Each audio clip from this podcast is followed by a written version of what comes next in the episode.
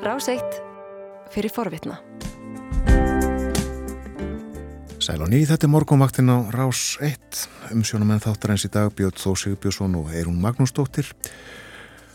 Og nú sæstur við borðið hjá okkur Bói Ágússon Góðan dag. Góðan dag Björn og Eirún Heimsklukkin framundan og margt á dagskrá. Já, já, það er alltaf svo mikið að gerast í heiminum.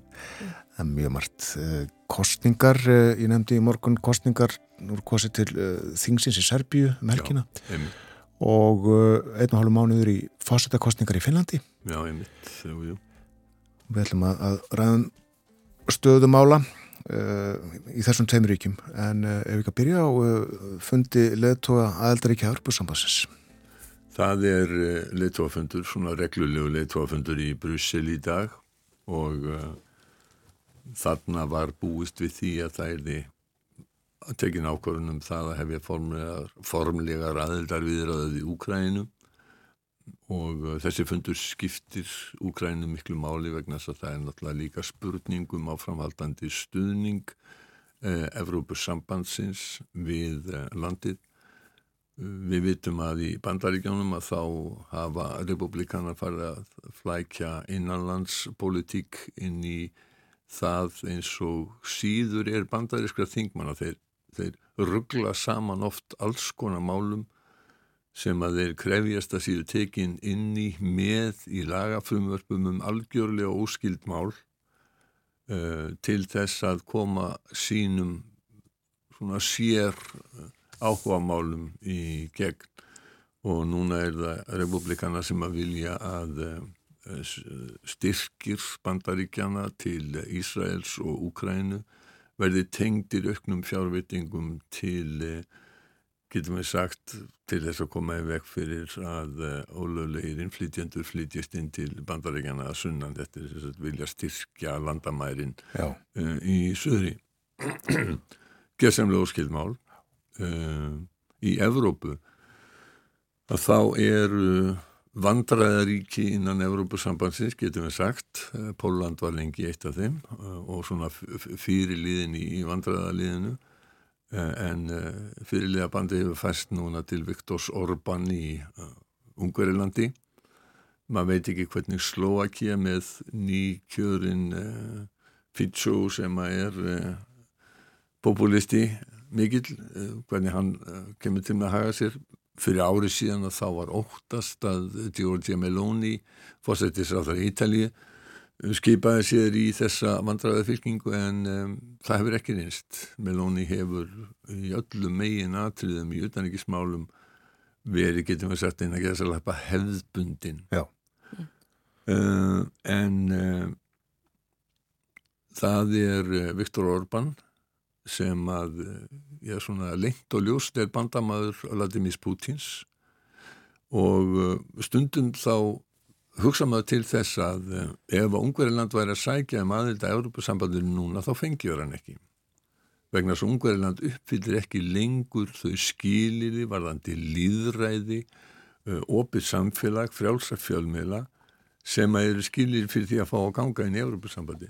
Ég held að þeir sem að stopna í Európa-sambandi þeir áttuðu sig ekki á því að það væri hægt að fara tilbaka þannig að það er engin ákvæði Evrópussambandi getur ekki reiki lönd úr Evrópussambandinu. Nei. Það sem það getur gert er það að það stoppa greiðslur, þannig að hafa ungar ekki fengið neina greiðslur úr svona bjargaráðasjóði ESB og auðvitaðri fjölmarki sem að telja að það sem að vaki fyrir Viktor Orban núna sé að lofa því júi og fallast á það á endanum að Evrópusambandi haldi áfram að styrkja Úkræinu og að taka upp hugsanlega formlegar aðeldaviðraði við Úkræinu sem að hefur ímislegt í förmið sér sko svona ákveðin, ákveðin staða sem að ríkið fær þá sem breytist gegn því að ungverjar fái þessa peninga sem búið er að frista það má kannski minna það líka að Íslendingar og normenn undir fórustu normann aðala hafa sko neitað að borga uh, til uh, Ungverjarlands vegna þess að Ungverjar heimta í rauninni sko Viktor Orban veit bara fá þetta í einu assa og geta deilt þeim peningum sem hann fær frá uh, eh, sem eru svona afgöngum í EES ríkjana eh, til sinna vildar vinna og uh, Þetta er þróunarsjóður sem við greiðum í og, ja, það heitir þróunarsjóður en við getum styrtarsjóður Viktors Orbáns. Svo við séum svona mjög brútal í þessu eh, og þess vegna hafa, hafa Nóriður og Ísland ekki viljað hérna, greiða svona skilislust. Þú nefndi Pólanda og þar hafa einmitt orðið stjórnarskipti eftir kostningarnar fyrir rúmum móniði. Það hafa í svona stjórnmálum í heiminum ekki orðið mjög mörg ánægileg tíðindi í kostningum undanförni en það voru mjög ánægileg tíðindi að eh, lög og, og, og, og hérna réttlæti eh, flokkurinn sem hefur farið með völd núna í nátt ár tapaði í þingkostningunum og í gæra þá tók við ný stjórn og uh, það verður þessi nýr pólskur fósættis ráþara sem að föði til Brussel í dag. Hann er ekki alls óþektur í Brussel vegna þess að hann hefur nú oft verið þarna. Donald Tusk var, uh, var ekki fósætti leitóra ás Európa-sambansins eða, eða fósætti framkvæmdarstjórnarinnar ég man ekki hvort að hann var allavega annar á tveimur leitum Európa-sambansins á sínum tíma. Og nú er hann komið þangað aftur en í slutverki sem þeirra Pólans sem hann hefur verið áður. Uh, hans býða hans og stjórnarnas býða mörg erfið verkefni það er því að þó að það sé komin í fósettis á þeirra þá hefur ykkur gróðum heilt á milli Pólveri og Európa-sambansins Pólverið þeir sömu stöðu og ungverðir að þeir fá ekki e, þá styrki sem að þeir telja þeir eigi að fá vegna þess að Európa-sambandi hefur haldið eftir peningum og það er e, aðalega breytingar sem að fyrir pólska stjórn gerði á uh, dómskerfi, laga og réttarkerfi landsins og uh, þetta er sjúkdómur sem að uh, grýpur um sig hjá mönnum sem að helst vilja ekki missa aftur völdin eða hafa komist til valda að þá, þá leggjaður undir sér fjölmiðla, domstóla, aðra líðræðisstofnanir samfélagsins einfallega til þess að koma í vekk fyrir það að, anstæðingar þeirra geti komist aftur til valda. Og munum að flokkurinn, hann heitir lög og réttlæti á. Hann heitir lög og réttlæti á, sem er og er eh, korrupt. Mm. Hvaða, hverju mun koma Donald Tusk hérna inn í inn, til Brussel að nýju, hverju mun það breyta fyrir þennan fund sem er haldin í dag? Já, það er alveg klárt, sko, það verður hérna, gamla pólska stjórnin, hún var mjög hörð og einörð í stuðningi við Ukrænu þannig að það breytist ekkert Ukrænu eh, því að Donald Tusk er ekkert minni eh, stuðnismæður og það eru í rauninni allir pólverið þeir vita sem er að ef að Ukræna tapar þessu stríði þá eru þeir næstir. Þeir eru næsta land við Ukrænu þannig að alveg eins og finnar sem að þekkja björnin sem eru þarna í næsta nákvæmni þeir, þeir ætla ekkert að, að, að, hérna, að gefa eitt eða neitt eftir. Uh, þannig að þessu leitin til þá skiptið að stjórna skiptin í, í Varsjá ekki svo ofsalega miklu máli. Nei, og þetta sást mjög greinlega þegar uh, innflytjandalögjöfin Pólska var hert. Já. en uh, áfram uh, voru allir frá Úkræðinu velkomin til Pólans Já. Uh, eitt ríki sem ekki er í, í ESB og á, á ekki möguleika á að komast inn með núverandi stjórn, það er Serbia. Þar er uh, svo kallaður framfarraflokkur við völd og hefur verið árið, síðan, uh, síðan árið 2012 ef ég, ef ég mann rétt. Og uh, þar um, er verða kostninga núna sundaginn og það er allar horfur á því að flokkurinn vinni aftur. Þar hefur verið mikil afturför á síðustu árum, spilning hefur aukist, það hefur verið sótt að frjálsum fjölmunum og til dæmis RSF sem eru samtök fréttamann án landamæra þau segja að það er ekki til neitt lengur í, í Serbíu sem heita frjálsir og hóðið miðlar. Uh, í kostningabaróttu þá fá stjórnar anstæðingar ekki að koma fram og það er bara haldið alveg miskunaleysi hérna Uh, miskunnulegsum áróðri lígafréttum sem er dælt út úr sörpneska ríkisjónvarpinu sem er bara í vassanum á Vukic Fosseta og öðrum ráðamönnum í Belgrad. Því miður þarna uh, Vesturlönd láta eins og Serbia sé allt í lægi en þá að því að þeir vonast til þess að þeir uh, hverfi af bröð, þessari bröð sem þeir hafa verið á undanförnum árum. Myndist ég að þá að spilning hefur farið mjög vaksandi þarna og og hlutinir eru bara eiginlega á liðin til helvítis í, í, hérna, í Serbíu með þetta, þannig að því miður. Og ekkert útlitt fyrir breytingu þar, þar á. Það virðist, virðast litla, litlar vonir til þess uh, ef þú kemst ekki að þú kemur ekki í þínum rauksöndum að fólk heyrir ekki í þér uh, að þá er voðalega lítil von til þess að, að, að hérna, þú náur kostningu eins og uh, eins og er í, í Serbíu. Þetta er á sömubókinu þetta, þarna getum við sett að sé svona uh, í mið-Evrópu svona þrjú ríki sem að nú eru já bara ég veit ekki hvort það er miklu betra heldur en á, á, á tímum kommunistam því að þó þetta sé ekki komar þá er þetta, þá er þetta svona innflokks er verið að reyna að koma þarna upp einsflokks ríkjum aftur. Þetta er Ungveriland, þetta er Slovakia og þetta er Serbia. Já, og uh, Alexander uh, Vukic, Vukic hann er uh, nánast einráður er það ekki, fer með þetta bara eins og sitt eigið. Og svo óttast með mjög líka að það, það er þeirri búin að gera bandalag við svona ultra hægri þjóðurni sinna til þess að tekja að þeir tapinu að örglega ekki. Og þeir óttast, þá er óttast að serbar fari að, að efna til ítlinda, frekari ítlinda við grannríki sín og það er mikil spenna þarna á Balkanskaganum og það, það þetta, þetta, þetta, þetta er ekkert sérstaklega góð tíðindi. Nei. En við skulum sjá hvað serbar gera í þingkostningunum. Já. Tölum um annan Alexander hér á eftir og fósættikostningarnar í Finnlandi sem eru framöndan. En eigum að hverfa aðeins frá Evrópu?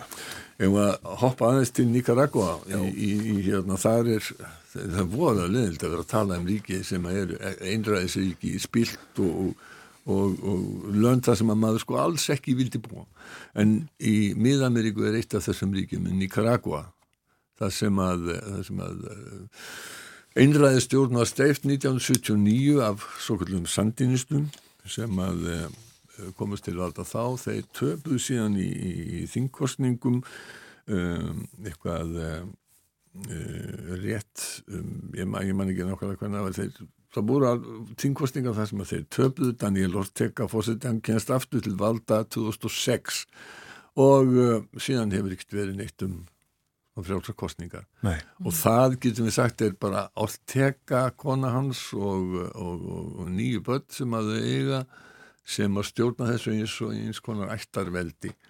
Og uh, hann var sagt fór, eða þau fóru fyrir sandinista hreifingunni sem svo var kolluð og uh, uh, sem að hefur raukt og svart sem sína liti og vilja freka sjá raukt og svart að, fólk flaggi því heldur en bláu og, og svona ljósbláu og hvítu sem eru litirnir í þjóðfónan í Karagua Já, hann vill ekki nota hann.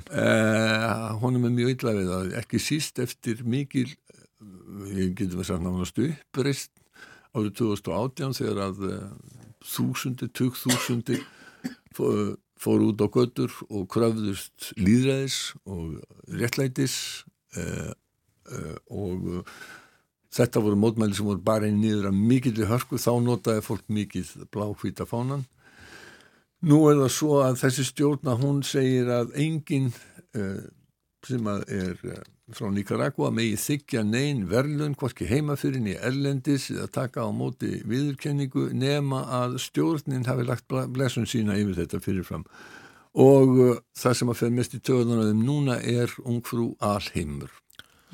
Sem er 23 uh, ára stúlka frá uh, Nicaragua Já. og þegar hún tók við veldisbrotanum eða hvað eða grind eða hvað má segja þá var hún í hvítum kjól með uh, bláhvíta nei, með, já, með svona ljósbláa herðaslá, þar að segja að þetta var sko, og, það, og þetta lítur stjórnin á sem tilvísun til uh, fánan sem að þeir vilja helst ekki sjá ef hún hefði verið í vikingsbúning rauð og svartu, þá hefði það séðan sennilega hérna gengið.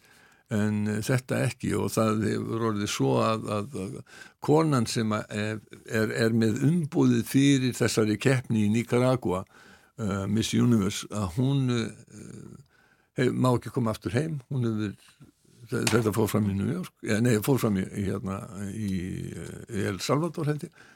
Og hún má ekki koma aftur heim og uh, það búið handtaka eigimann hennar og, og svon uh, og, og, og þessi stúlka sem að varð uh, ungfrú alheimur Sýnis Palacius Jú, hún hefur hérna lendi í, í, í Palacius, já, hún hefur lendi í vandræðin hjá þeim og Economist segir að, að þetta sé ekki, ekki síst vegna þess að hún varpi rýrð á fósetta fjölskylduna, það er dóttir fósettans eh, eða fósettakjónuna sem að, er, er einhverjum tískubisnes og hefur gengið mjög illa eh, eða ekki gengið nægilega vel mm. og, og tengdadóttið þeirra er líka fyrrum ungfrú Nicaragua og hefur heldur ekki gengið nógu vel.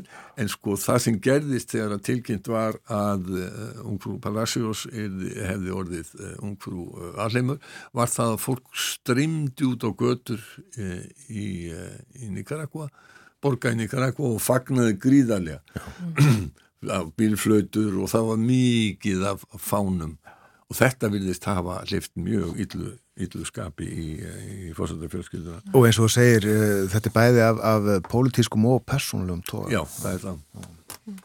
Það má kannski gera ráð fyrir að, að fórsættin eftirleiðis reynir bara að stýra því hver sigur þessa keppni. Já, það er allar all, all líkur á því að þau fjölskylduna ætla að reyna að taka til sín leiði til þess að halda, já.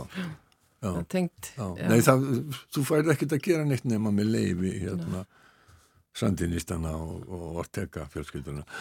Um, svona rétt í lögin að þá svona, létt okkur skapið þá skulum fara í almennlegt land það sem er líðræði og uh, mannréttindi eru virt og, og svona bara land sem við getum hugsað okkur að búi þetta er Finnland. Finnar kjósa sér fórsetta í núna í uh, januar og það er tvær umferðir, það er hill hellingur í frambúði núna í fyrirumferðinni og uh, það eru eiginlega tveir sem að beira höfuð og herðar yfir aðra. Lengi vel var það leittói græningja fyrir undargeirsáður að Pekka Havistó sem að hafði fórustu en núna á allar síðustu vikum að þá hefur Alexander Stubb skotið honur rétt fyrir rass og nýtur langt mest fylgis og uh, síðan þegar í nýri konnin sem að Íle uh, sýstustuð okkar í Finnlandi gerði þá uh, kom í ljós að uh, hann Alexander Stubb hefur yfirbörðið fram yfir eiginlega alla aðra. Já. Hann er hægri maður Hann er sem sagt úr Kokomos sem er ja, samlingspartiet sem er svona frjálslindur mið hægri flokkur, hann er úr frjálslindapartinum þar og ekki jafn mikil hægri maður og svimir aðri hann er búin að vera, hann var þetta er mikil snillingur. Hann er með talar fjölda tungumóla hann er, með, eh, hann er mikil íþrótt áhuga maður, legg ísokki í esku, hann var í landslið finna í golfi þegar hann var eh, enþá í háskóla og ætlaði sér að gerast atvinnumadur en var svo mikil áhuga maður um eh, námu og fræðimann sko að hann læði í áfórumum að vera atvinnumadur í golfi á hilluna. Hmm. Það er skritin ákurinn Þetta er mikil karakter. Þetta, þetta, og fór hittan. Já, já, já, já, já, já og hafði þetta mikill, mikill karakter. Hann er hérna hann er eins og ég segi sko, hann er fyrirvægandi fórsættis utanríkis og fjórmálur á þeirra uh, hann var orðin utanríkis á þeirra án hann kom á Þing, hann satt á Evropaþinginu þegar hann var valin utanríkis á þeirra og, svo tók hann hérna, við leiðtóa ennbættinu í þessum uh, var formaða flokksins og þá var hann fórsættis á þeirra svo kom stjórnarskipti að því að Kokomus eh, eftir kostninga var ekki lengur stærsti flokkurinn og finnar, sko það er stærsti flokkurinn sem fær fórsættisraðundi þar og uh, þá var það fjármálur á þeirra og þá svona fór hann að, gera mistök og í nýðuskurði og, og, og gerðist óvinsætt bæði innan flokks og,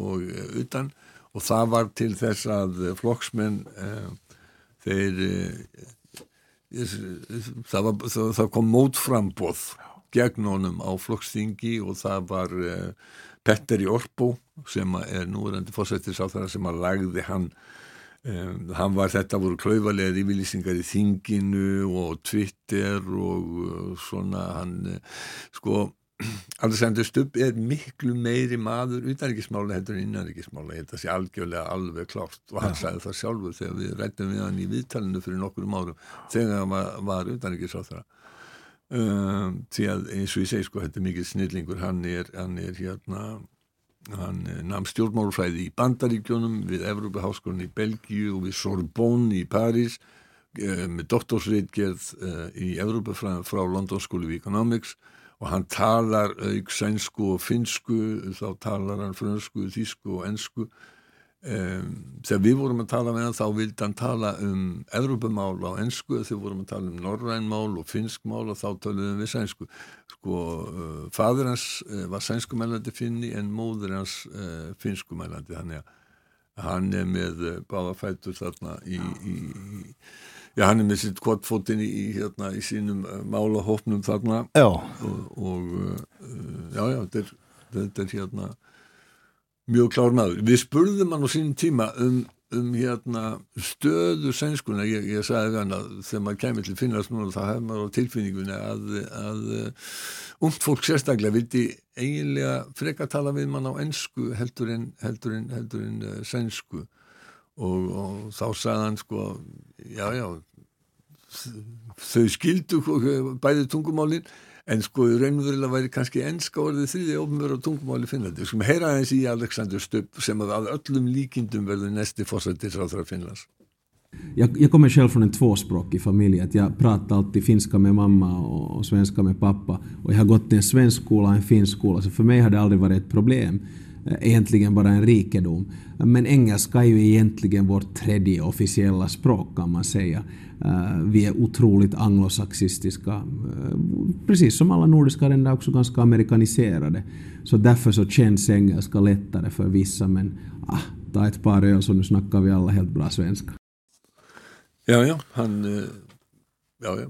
enskaði næstum orðið þegar tungumólinu, hann sagði þetta væri, Han var bæði í sænskum og finskum skólum og er, er þarna eiginlega fulltrú Eh, hann er svona stundum finnast manni finnar ég hún líka hérna tala við, við Sáli Nínistu eh, núverandi fórsetta Finnlands sem að virðist svona þingri en þú er mjög fljóttur að komast að því að hann hefur sko mjög skemmtilegan og lúmskan húmor. Mm. oft virðist manni finna dálítið þungir, Alexander Stubbe það svo alls ekki, hann er, hann er hérna, mjög lettur og mjög klár maður og, og, og fljótur til, til svara á hann að slíkt. Já, en eins og ég sagði, hann er, hann er greinilega miklu meiri utanriksmála hérna, sinni heldur en annað. Og það skiptir máli í Finnlandi vegna þess að öfugt við í fórsetæmbæti á Íslandi sem hefur engin formlegu völd og þá hefur finski fórsetin umtalsverðu völd og ekki síst á sviði utanriksmála Einmitt. Og uh, kosið á uh, til uh, fórstæðanbættisins í Finnlandi í lók janúar. Lók janúar. Það er tvær umfyrðir ef að einhvern nær ekki reyna meiri hluta í, uh, í uh, fyrir umfyrðinu. Við ljókum þessu hér, uh, Bói Jókusson, takk fyrir komuna. Þú varst að hlusta á hlaðvarpsþátt frá Rás 1. Ef þið langar til að heyra meira, farðu þá á rúf.is skástrygg hlaðvarp eða spilaran á rúf.is skástrygg útvarp. Rás 1 fyrir forvitna.